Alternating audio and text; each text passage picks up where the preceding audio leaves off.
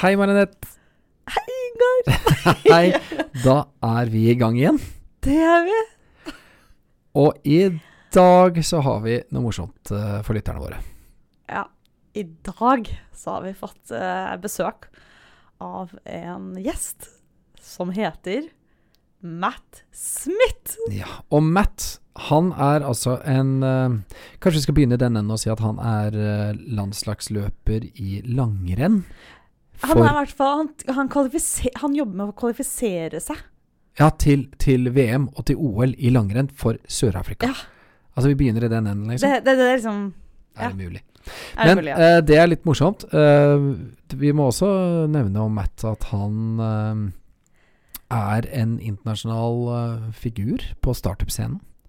Definitivt. altså Han har bodd i Barcelona, han har bodd i, London. i Lisboa. Han har reist hele veien rundt Ja. eh, og vært en litt sånn nomade de siste årene, men nå har han kommet tilbake til Norge.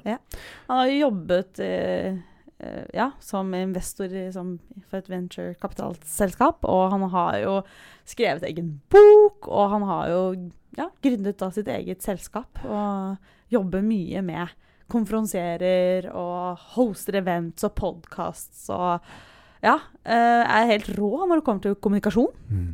Og dette her er eh, Så dette her tror jeg kommer til å bli en episode med høyt uh, energinivå. Ja. Mange gode råd. Altså, vi skal ikke legge skjul på at Matt er god til å gi råd til andre.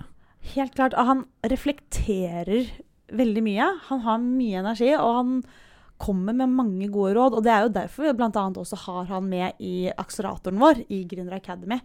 Han er jo Ja, en, en av der, ja, han er en av rådgiverne, en av mentorene, en av de som faktisk holder leksjoner på hvordan er man skal pitche, og guider selskapene én til én på deres prestasjonsteknikk. Mm. Så her har jo vi også noe å lære. Helt klart. helt klart Eh, Og ikke minst så skal vi snakke om uh, noe dere to sammen skal legge ut på. Det Ja. En ganske så omfattende reise ja. til Mount Everest! Så nå er det bare å stålsette seg og spenne setebeltet og gjøre seg klar til en uh, veldig hyggelig episode med Matt Smith. Uh, og vi gleder oss til alle rådene og høre mer om reiser og om langrenn og litt av hvert. Skal vi bare ønske er bare å sette i gang? kjøre på. Kjøre i gang. Ja. Bra.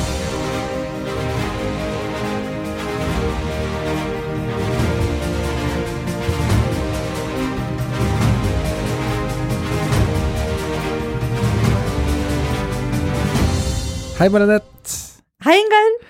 So, we have a new podcast coming out now. But Oh. we're doing this in English. Why is that? Yeah, I really uh, don't understand.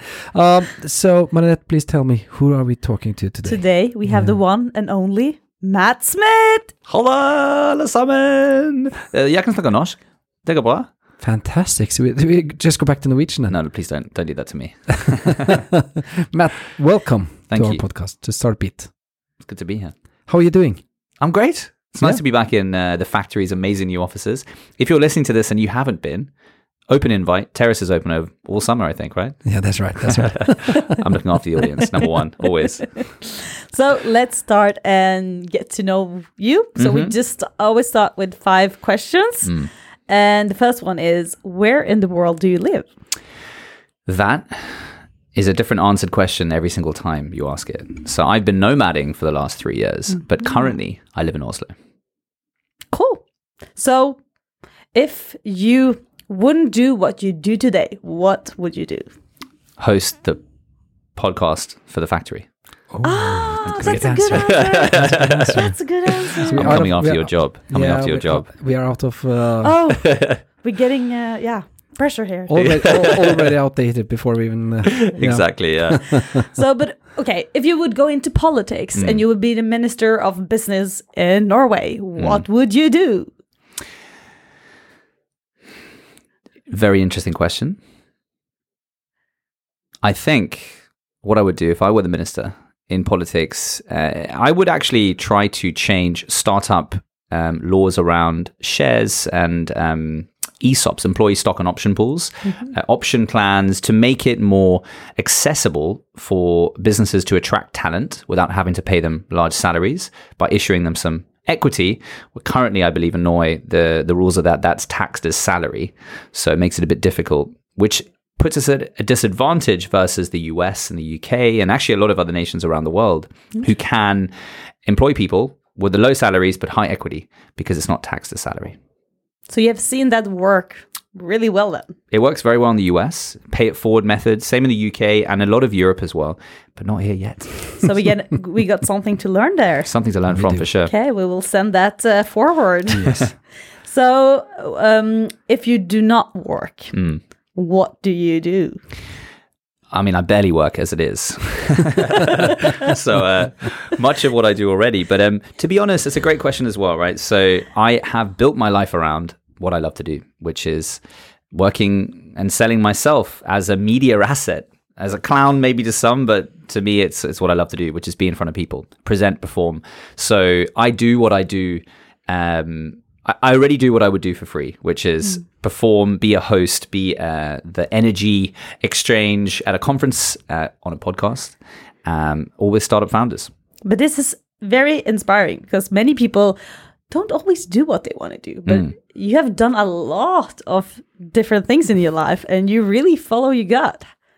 Well, you know, it's one of those things, right? Yes, I've done a lot of things. And to some, that could also look at, oh, he's all over the place, keeps trying something new every other week. But you're never going to find what you want to do unless you try a lot of different things, right? A lot of us stay in a comfort zone, and there's nothing wrong with that.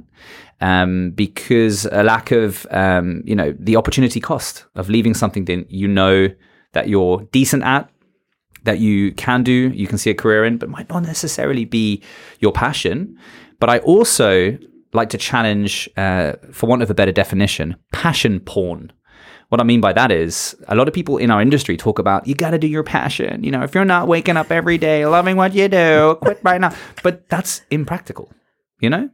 So I came up with a concept. Are you ready for it? Okay. Yeah, Let- obviously. wait one second. I need to find a pen and paper. Yeah, I'd you should actually. Uh, no, Joy, I posted about it. Okay. Matt, Matt C. Smith underscore on Instagram. You can check it out. so I came up with something which, which, which was, and again, bear in mind, this is for my mind, and so it might mean nothing to you to hear or you listening to this as well.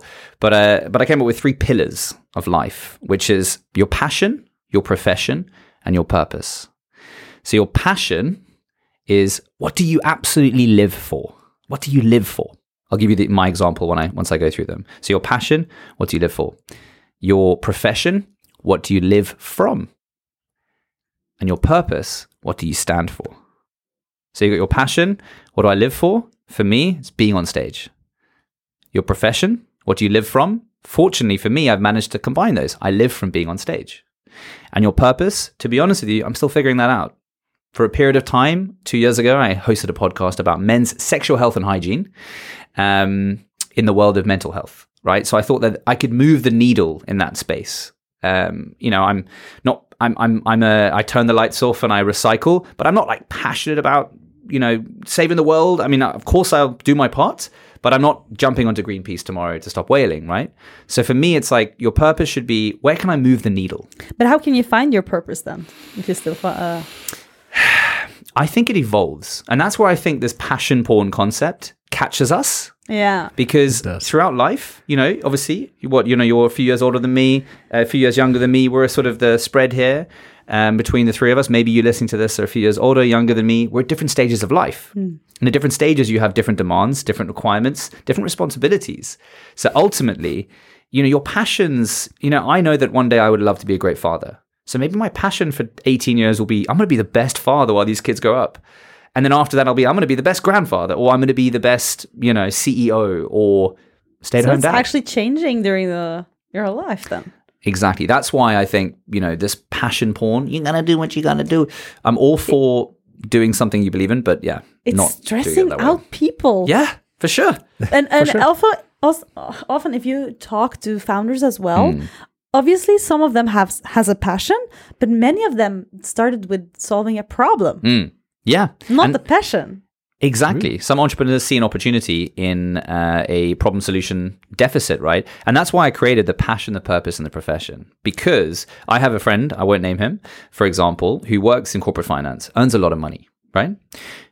He likes what he does, like he's good at it, but he actually loves golf. His passion, his purpose is golf, but his profession allows him to play golf at every course in the world. So he's come to this sort of agreement where, you know, yeah, you know, would I die for this job? No, but it allows me. I, I do a good job at it, and I feel smart when I do it. I see a progression with it, but I found I've come to a point in my life where you know it allows me to do whatever I want to do. So I think that's a good compromise. Yes, fantastic. But are the, those three words the name of your next book? They should be. They should So, be. so glad you mentioned that. Yeah. because you wrote a book. We have a copy here at the office. You do. Uh, I, I really enjoy reading it. uh, could you tell us a bit about it? It's called Start Buzzwords, right? Correct. Now, when you say you, you enjoyed reading it, Yeah. um, it would probably only take you five minutes to read It it, because there, there are books and there are books. That's, that's why I say I I love reading it like several times. yeah, yeah, Uh, exactly. It's a great toilet read, if I'm honest. so, uh, you're correct. I wrote the Startup Buzzword Dictionary. It is a cartoon illustrated buzzword dictionary from bootstrapping all the way to exit, describing in a cartoon, creative, humorous form, but educational. Uh, our uh, startup buzzword game, you know, bootstrapping, MVP, minimum viable product, uh, and things like that.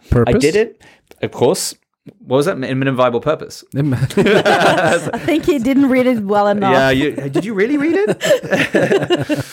but it's uh, it was a fun thing. I did it as a bit of a marketing stunt, and to this day, you know, it's the greatest asset. And this is a lesson to any entrepreneurs listening: how to stand out, how to be memorable, how to be remembered.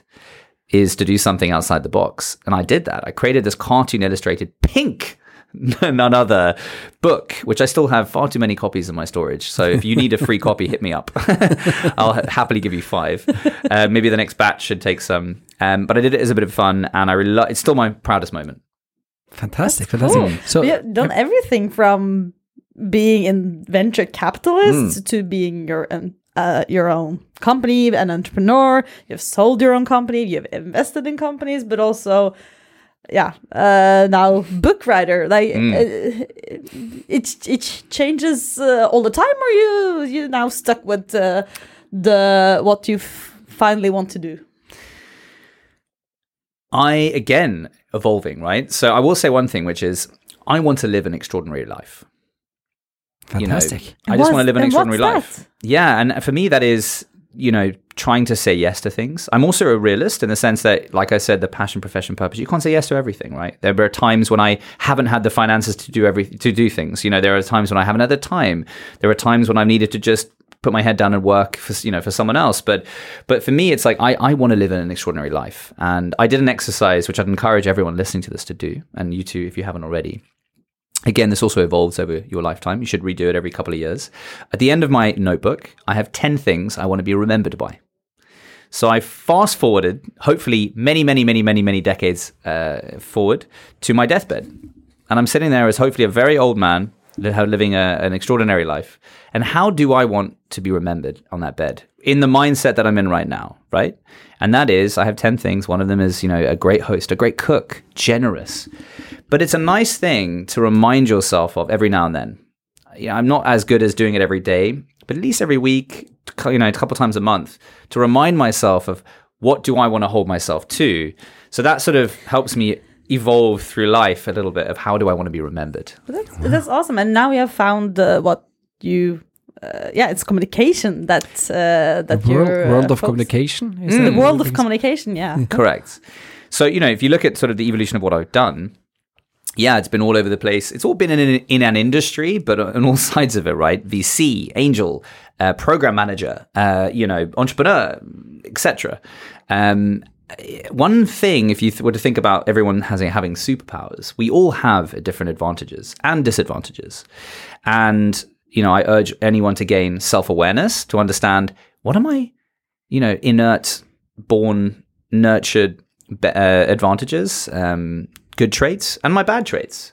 And I'm not saying bad traits as an oh, I'm a I'm an evil person or something. Hopefully you're not. Maybe you are. if you are, you should know and try to reduce that.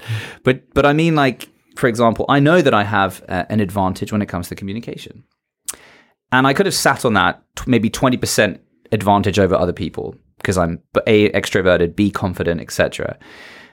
But I instead noticed that good thing, and I've tried to improve it. And I've made some discoveries along the way, which are applicable to anyone. Because most people assume an introvert versus an extrovert. An introvert is, you know, maybe less socially capable or uh, engaged or interested. I only believe that a, an extrovert has maybe a 10, 15, 20 max percent advantage in a social setting versus an introvert. Interesting. And I believe that there's 80% to gain then for anyone who doesn't believe that they are in that. You know, so, for example, me, I was maybe born with a slight advantage, uh, just nurture wise, in terms of being a communicator. But it can also be my disadvantage because I can be all over the place if I let it control me instead of me controlling it. So I gain self awareness and I've made this discovery around communication and that. Here's a tip for anyone listening to this the greatest hack, lowest hanging fruit in communication to allow anyone to be better engaging with friends, family, but also socially at work, bosses, colleagues, how to progress yourself we all remember people who come into a room and just have a presence about them, just have this ability, right? This charisma. One of the easiest hacks to gain an advantage is your vocal toolbox. Your vocal toolbox. And we're doing a podcast which is a vocal voice only exercise. So, you we all are born with a vocal cord and a vocal range, depending on the size of your mouth, the shape of your teeth. Some are better singers, some are terrible singers. I'm in that bracket. But we all have this ability to use our voice to tell stories, to engage with people. However, we all go through life in communication, conversation, autopilot, right? Think about when we would meet in the hallway here. Oh yeah, hi, how are you? Blah blah blah blah blah. If we saw each other on the T-bar or you know at an event, we would just be talking normal marionette, normal, you know, like normal Matt. But when you speak to a child, telling a story, how do you how do you talk to them? Once upon a time, Harry Potter. You know, you put on the accents, you do the voices, right? Which is so much more engaging. So that's an example I like to use to encourage people to think about how they communicate to be more engaging, to realize that you shouldn't go through your day in the same tone, right? If I sat into a meeting, an important meeting, you know, I would want to set my tone for that meeting. How do I want to come across? Do I want to leave this meeting having an intention to be coming across as educated, informative, sellable? If I'm a startup founder, I'm meeting angel investors. I need to make sure that I go into this meeting instead of, oh, I'm so tired from all the work I'm doing. I've got off the bus, I got on the tram, you know, I'm relating my rent. I go into this meeting, hi, uh, I'm doing the same pitch again in regurgitation mode of three minutes, and the uh, questions, same answer, no. Or do I want to go, all of that said and done, I need to turn it on for the next three minutes. Hi, I'm Matt. I'm going to pitch you the factory. You know, like use the vocal toolbox, the range, speed up when I want to add excitement, slow down when I want to make a point. But I just need to comment on this because I just read the the first seven uh, books of Harry Potter to my kids. Yeah, all of them. Uh, we're now on book eight, which is a theater book, and I've been doing these voices for more than a year now. And sort of uh, getting to office uh, and getting into to, to, to, into business, I can leave all that behind. Uh, but now I need to change this and suddenly be a uh, Harry one day and then Ronnie the other day, and uh, oh, it's going to be tiresome to it, do this. It may be. Yeah, but still, I, I, do, I do really understand what you say. Mm. Um, I used to be a hardcore salesperson selling electricity from Shell back in the days um, at the you know shopping malls and stuff like that. And uh, doing that, I needed to change my mindset from person to person. I needed to read the people coming over to us, and I needed to figure out, okay, you're male, uh, you're from this and that place, uh, looks like you enjoy this and that, and then I can speak to you one manner, and then the next person I need to talk differently.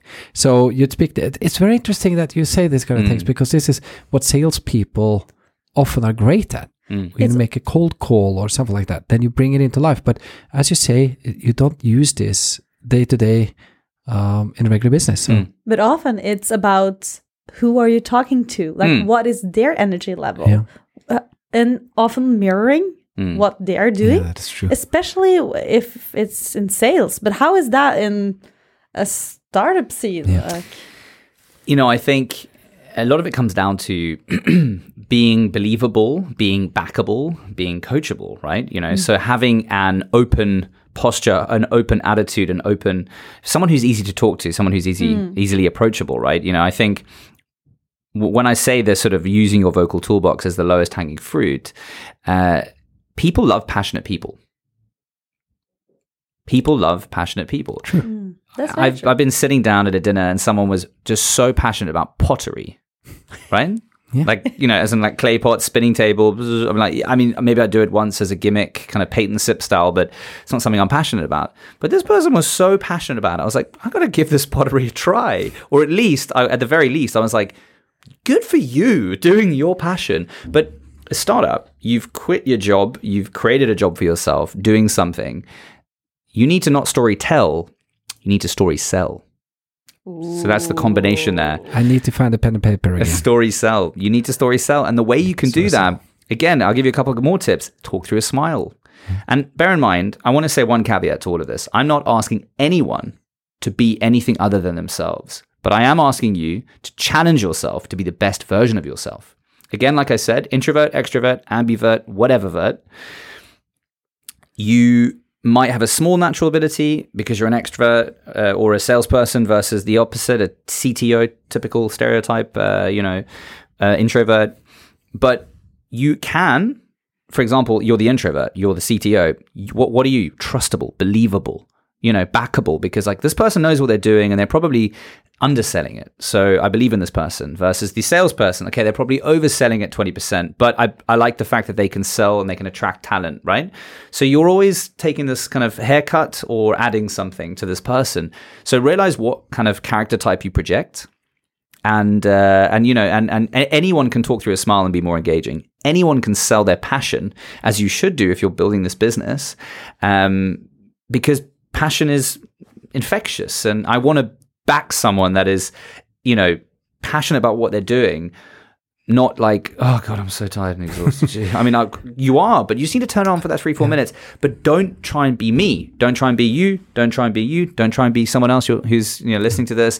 Be the best version of yourself. But what if people are uh, thinking like, oh, but I don't have a passion, or Mm. what, what do they do then? Calls Matt Smith. Call uh, me. and yeah, again, I'm not encouraging everyone to, to to do their passion. I'm just saying, you know, that's why I said the profession, passion, profession, purpose, right? Like I haven't figured out my purpose, but I have a passion which is for being on stage, and, Yeah. and that will evolve. And my profession, I've managed to earn money from that and live from that, right? But the purpose thing, I'm still trying to figure out. Like I don't strongly feel for anything, to be honest. But it, it was um we, we usually um, show the startups and the entrepreneurs that are coming into the program uh, a small video clip of uh, Steve Jobs Mm. uh, where he's um this is back to his NeXT period um, and um, he's he's been asked okay what about the passion how do you do this and he says that it's you know you can't do this without passion Mm. you know having a startup because it, it demands so much of you that you really need to well he says seriously, if you have kids and family and stuff, well, I can't just, I, I don't understand how it's possible to do it. It's probably been done, he says, but you know, it, it really demands something extra from you. Mm. Um, and, and I need to ask you something because now we're talking about sort of the communication, the world of communication. And I need to ask you, you, you know, we are as a, the Norwegian people in general, uh, maybe not being known as the most passionate people in the world. Uh, Maybe known as a bit cold, a bit, um, you know, janteloven is super Mhm. strong up here. You're not supposed to shine in front of everyone else. You're supposed to just be, uh, you know how it is. Passion is just annoying. Yeah, it is. no, but and my question is that you've been traveling all over the world, Mm. um, and I remember you you left a couple of years back. uh, You left Norway, sort of, Correct, and yeah, then suddenly the whole country became a bit more boring. But now you're back. Um, what brings you back to Norway into this, you know, sort of cold, uh, cold climate and this um, uh, janteloven country? With no passion. yeah. so what brings you back, and what have you seen out there that brings? Yeah. So, what brings me back is honestly, I learned a valuable life lesson on my travels. So, for everyone's context listening to this, I, you know, 2017 to 2020, I lived here, worked here, worked with Angel Challenge for a bit, um, then started a company, raised some money, built that up, sold that company, and left. Um, and then went nomading for almost two years. I lived in Lisbon for six, eight months, Barcelona, Cape Town, Croatia, came back to Norway for a brief period. And in that time frame, I learned a very valuable, valuable life lesson, which is storytelling 101, by the way. um, build up, pause, the power of the pause, um, which is I've been looking for the perfect place to live, right? But there's no such thing as the perfect place. It's all about the people. Okay, It's all about the people. interesting. And my people, the epicenter, the heat map of my friendship community, believe it or not, boy Oslo. Wow. So we warmed up uh, after all. yeah, you did. And and yeah, the heat map then is in Stockholm and then elsewhere. But I just learned a valuable life lesson that I've been looking for the perfect place to live and realized I've been obviously I'm a social guy. I've been making micro communities everywhere, but there's no replacement for friendships you've had for 5, 10, 15, 20 years. I'm in my you know, pushing mid 30s now. Friends are having families. Uh, where do I want my family to grow up around? I want it to be around my friends' families, right? And I realized that's Oslo for me. So that was the first in, uh, uh, kind of instigation to my uh, coming back home to Norge. And jeg elsker Oslo. I really do, you know? Fantastic. Also, the ease of doing business. Yep.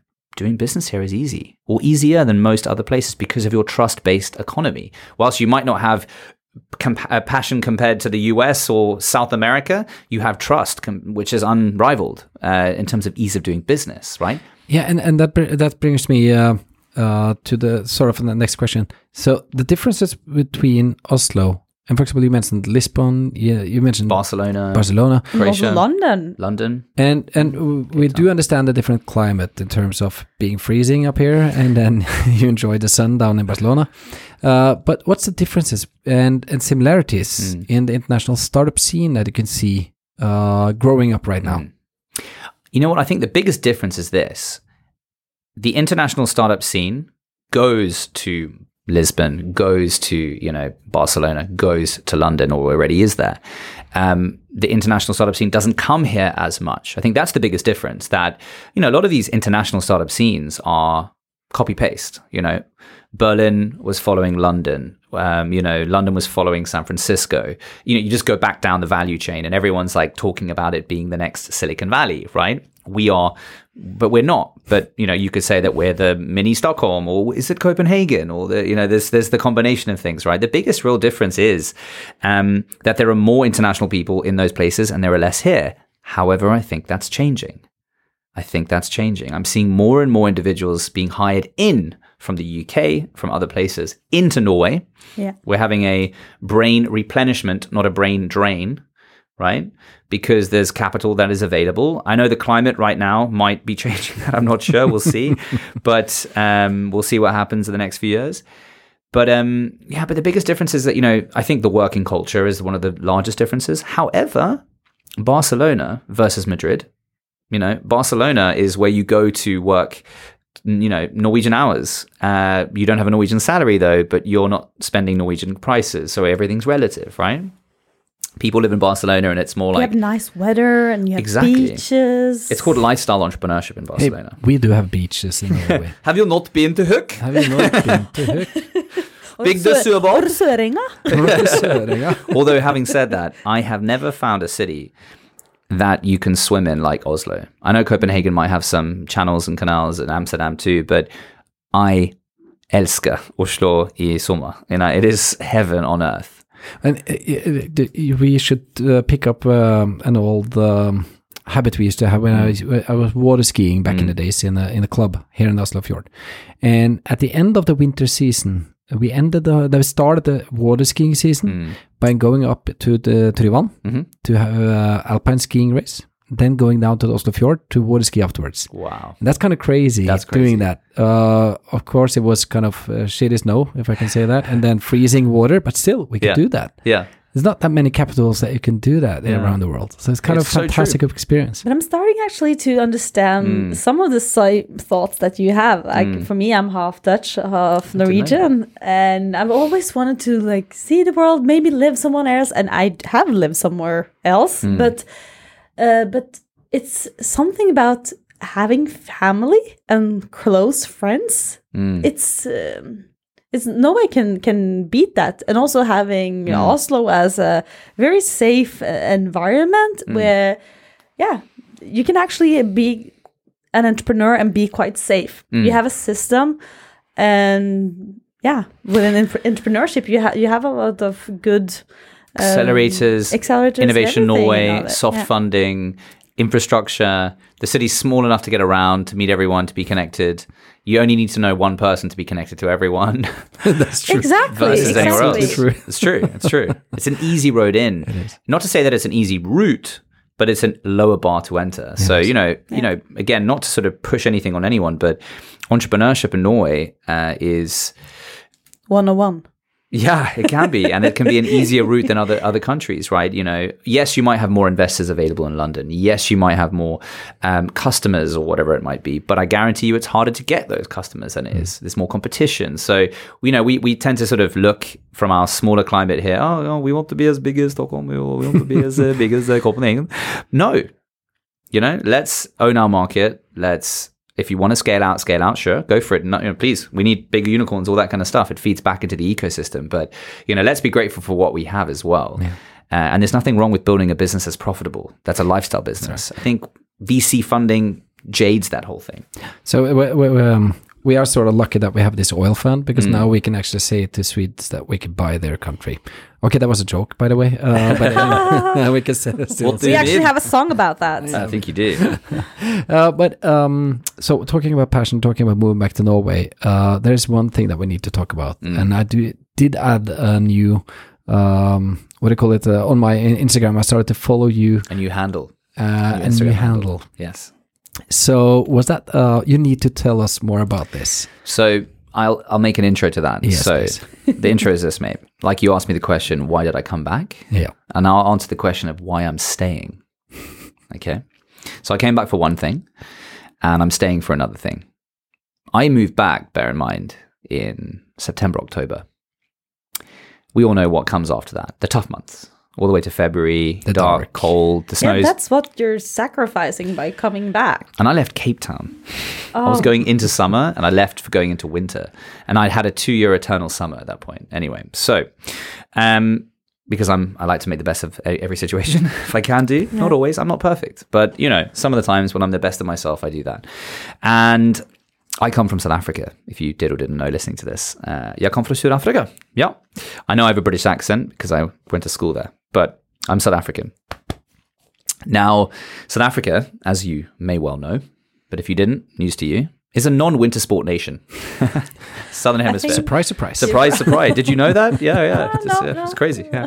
Um, there But is you one do ski have slope. mountains, right? We do have mountains and we do have snow, but there is no resorts. There is one resort called Tiffindell, um, which is doing a great job, but it's a bit more of a, oh, you live in Africa, come see snow. You not less so like come, and ski for snow. yeah it's you it's can touch it, you can feel it, exactly you can actually can. see it, and Yeah, you can go down a slope that's a couple hundred meters. Nothing against it. They're doing a fantastic job but it's very much a sort of you know it's more of a theater. Anyway so we're a non-winter sport nation. I'm moving back to undoubtedly the winter sport nation winner of the olympics most every four years norway right uh, the birthplace of cross-country skiing langrenn and I'm an athletic individual. I love sports. I've been uh, competing in the Ironman World Series in South Africa, so I was doing during my time off a little bit. I moved back to this country, not being able to run outside and, and, and cycle outside. You know, swimming wasn't really an option either. So I get into cross country skiing, and I make a discovery. I'm the only cross country skier from South Africa. Now begs the The question: The only one? Well, I'm sure there's many others In- doing in- it in Norway, In. Norway, uh, well, uh, elite amateur. So I, I do some research and I realize the next Olympics is in 2026 in Italy, the Milano Milano Cortina Olympics. It's called. Begs the question: Is it possible for someone like me to be good enough to qualify for the Olympics in 2026? My goal for this was to represent my country, which I am now doing. I've always wanted to represent my country for something. Obviously, the reality is that's impossible unless you start at the age of two in most sports. However, coming from a non winter sport nation, we don't have any competition in this space. so I, I was inspired by a guy called Allan Corona, who is now my coach. I am now coached by the Mexican national team in Norway, That's fantastic. who are based That's here. amazing. Believe it or not, Norway, uh, Mexico has 50 registered FIS, which is the International Ski Federation, cross country skiers. Not all in Norway. 50, 5 0. Five zero. Wow. Mexicans skiing in Mexicans, uh, not all in Norway, but At least 20 or 30 of them are. I was skiing with them. I did the Birkebeiner just recently with five of them, all in their Mexican gear. We can get some photos you can share on the podcast for everyone. Anyway, so to your point, uh, I created uh, a journey, an athletic journey, with a goal to qualify for the Olympics. But it's about the journey that's mat- that matters. So for me, it's about my reintroduction to this beautiful country holding something so dear to you and dear to me by the horns and grappling cross country skiing and skating, competing, getting fit and enjoying the journey, meeting interesting people, um, training at Holmenkollen Training Lab. I will be taking part and representing South Africa at the next World Championships, which is in Trondheim in 2025. I hope you'll all be there. That's so cool. Yeah. That's so cool. So, so my goal is that's my new athletic challenge. I now represent South Africa. In I'm the only FIS International Ski Federation registered cross country skier for South Africa, uh, living in Norway, competing in Norway. Um, And, and you need to tell us the handle of the handle of that is it, an ode to Norway, Snowbok, S N O B O K underscore. I think. Yeah. The reason for that is Snowbok, the South African rugby team, which is our most iconic sporting export, um, is called or are called the Springboks, and it's bok is a buck. It's like a type of deer in South Africa, a gazelle. The Springbok, because it springs, they have an emblem. So I thought I'd play with that and call myself the Snowbok. So S N O B O K underscore. Check it out. Thank you. So that's also a hobby to get if you're a bit bored and it's dark and it's snowing during winter time. so, but th- this is um, it's quite an adventure that you you thrown yourself into. But I need to ask the two of you uh, because uh, the two of you are throwing yourself into a fantastic adventure coming up uh, soon. So please tell me more. Tell us Oh. more. Marionette, maybe you should tell us. Well, I'm almost So crying just there? thinking about it. no, so um, yeah, one or yeah, a couple of weeks back, you come to the office As I do. and you're standing here talking to Inger. and I come out and say, "Hi, nice to meet you." Then uh, you're telling about this journey that you're going to the Olympics, and you're mentioning that you're going to Everest. And then, uh, yeah, Inger, you you thought it was a good idea that I joined that. Well, I tried to say that uh, if I was uh, you, I would go. For I, I, if I remember correctly, you said your job isn't safe unless you do it. It was, yeah, man, that's, that's something for you. yeah. And I was just say, yeah, yeah, yeah, that would be cool. when? and that was, uh, yeah. Uh, and before we knew it, I got some tickets and joined the Olympic team, which I'm not a part of, to uh, To climb tri- Everest. to climb uh, Everest Base- base, base base, camp, camp. base so camp. We're we're, not we're not risking our lives completely, No. but uh, yeah. Not without its risks. So, so what's the what's the goal? What's the purpose? What's the aim uh, So- of this? Uh, As you correctly said, firstly, credit where credit is due. Marionette, high five. You're amazing. Honestly, uh, it's, it's true though because basically I came into the office as you said, yeah, a couple of weeks ago to talk about some lectures for your existing programs that I've done, and we've worked together lots. And I mentioned that I'm going on this trek to Everest. Um, and it's a trek that my sister uh, Julia has an, a charity supporting Nepalese uh, young women with education. where can we find more information about this? DD movement, the DD DD, movement. Um, and uh, there's two other charities that I should remember the name of that we're also supporting. But uh, but so this and, and it's all about um, supporting young women with education and mentorship, and, and it's a peer to peer platform, uh, female to female. Um, and she uh, she's done this Nepalese trek before uh, to base camp Everest, and the thing about Nepal is uh, it's a country which we tend to see the facade of just the mountain Everest, right? Uh, and there's a whole, you know, huge GDP influence from that. A lot of people go to Nepal for that. I'm sure it has a lot of other amazing things, the the, the meditation tents, the the Buddhists, uh, the uh, things like that. But the Everest is an overshadowing thing, but it has some of the lowest, um, you know, education rates in, in the world. So this charity trek is to climb Base Camp Everest. Uh, to shed light on and um, bring that conversation to the surface about uh, education and specifically uh, female education. It's one women. of the lowest countries in the world on female literacy, exactly. meaning that uh, women cannot read or write. and that's uh, quite basic for uh, yeah for to for progress life. yourself in life. Yeah. exactly. So uh, I think that's uh, that's an amazing cause. So that's the Um, cause, yeah. and we are a expedition of twelve, um, who a fun little mix of people. My girlfriend's coming, um, and yeah, the, the trek had been relatively organized. It's been a two years in the making. Um, Marionette, being the hero that she is, hears about this. Who is, by the way, really showing us all up with her le- level of trekking, her knowledge. I'm actually really grateful she's on the trek because she's taught me a lot already, and I'm grateful that we're all going from Norway together as well. I know, just it's awesome. You jumped on that opportunity like that, which is fantastic. I think that's a really good ode and a good example to lead by. Take the opportunity when you see it. Uh, you didn't have all the answers. You know, you jumped on effectively late to the party. Uh, and you're coming. We're leaving in very not not long. No, no, no. like 10 days. Yeah. I still need to get my insurance. I just booked my flight ticket and I will have such a long flight journey. Mm. Yeah, because I was like a last minute join. But I think it's amazing. And thank you for uh, acknowledging that. Mm. yeah, I think, it's fantastic. often we say we don't say yes to enough Mm. things. And normally i do like to just say yes and not Mm. think twice. But this time i thought twice because Going to it's yeah it's i mean there's some risks. I'm not a professional athlete uh, so gotta work on that. I had a friend who actually helped me once think about um, the the whole when you're trying to make a decision, right? You know, we often sort of fall into the whole, oh, you know, we should we should relax and we should stay home. We shouldn't do you know push ourselves out there. We shouldn't do what others want to do when we don't want to do them. So he came up with something which was when you're making a decision, it should always be either a hell yes or a hell no.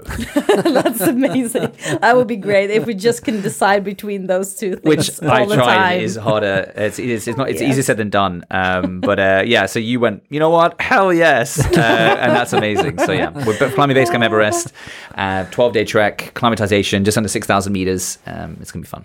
Wow. yeah I think I think maybe this could um leave we could leave it like that. Uh, But I think that we should we should mention that we will have some uh, updates during our trek. So uh, we will share a bit of the knowledge that we uh, get, the insights of both uh, female children education, but also the people that we meet on the trek. And I think uh, we will learn a lot. For me, at least, it's important to to learn a lot during this trip. Just challenging myself mentally, physically, and share some of that knowledge. And I'll, I'll leave you with one sort of spoiler alert. And this is me ad libbing on the spot right now. So maybe uh, you two will kill it. But I found sports are great metaphors for life. When I've been training for an Ironman, for example, you know, and you have an injury for a period of time, it's always best to actually just immediately stop and rest for two, three days before you move on. And I've found that in business as well, when you kind of reach uh, difficulty, whether it be close to burnout, whether you're struggling with something, you know, sports are great metaphors for. So I, what I'm saying is I'm curious to see how this trek over 12 days will shine light on interesting parallels that are nice life lessons that you often don't see when you are working because when we're working the mind, which is predominantly what we're doing when we're working, you know, it's not a muscle. The mind isn't a muscle, right? You know, you, you, you can't overstrain it, but you can. But, you know, you can't, it doesn't have a physical effect other than feeling sleepy, tired, burnt out, or whatever. Whereas a muscle, like you can tear it, you can break it, and then you have to stop. So I think there's a nice parallel to draw on between sports and training and exercise to apply on our mind, which is a muscle or, or not, that we don't s- see in the same light. If you know what I mean, like this parallel between the two. It's a lot about Hmm. putting yourself in situations that is not comfortable. That's Hmm. a completely different because, okay, you come to the office, you have a regular meeting, or you Hmm. do what like whatever you do during a weekday, Hmm. and it's it's kind of the same. It's uh, okay. Obviously, we we challenge each other a bit, but being in a situation that your body or your mind have never been in. For, for example, uh, trying to breathe and you don't get air. Like you have to you have to think a bit differently than Yeah. uh, than yeah than So before. it sounds like we're going to get another book here. exactly. Uh, Yeah. So I'm looking forward to that. So, uh, but we encourage everyone listening to this podcast to tune in Mm-hmm. uh, for updates uh, when you are traveling to Everest. Mhm. Marionette is not packing anything. She's just bringing the podcast mics. so That's, you'll that's the That's most important thing. content is key. Uh, Matt, we need to round off, and thank you so much uh, for your time and Thank for your wisdom, uh, sharing uh, knowledge. Um, and we wish you the best of luck both with the trip to Everest, uh, with the Snowbok uh, challenge, if we can call it that. Uh, we look forward to see you in Trondheim Mm. and uh, in the World Championships in just a couple of years. And Years' we time. And we sort of we, we have to uh, be honest. We, we would like to join you as an um, audience going down to uh, Italy uh, in, in in some years. I hope Um, so. Yeah. So, but thank you so much uh, for your time. Thank you so much. And you have always so many great lessons, both for founders that are looking for investment communication and uh, yeah, everything in life. so I know you have your own YouTube channel I as do. well. So if you're got curious, you should definitely check it out and Mm-hmm. learn some more from from you. I'm sure it'll be in the show notes, as we say on podcasts. but thank you both for having me. And you know what? This ecosystem needs more voices in it. And I think you two are the voice. Thank you. Thank you. Okay. Thank you. No pressure. Have a nice day, everyone. Ciao. Ciao.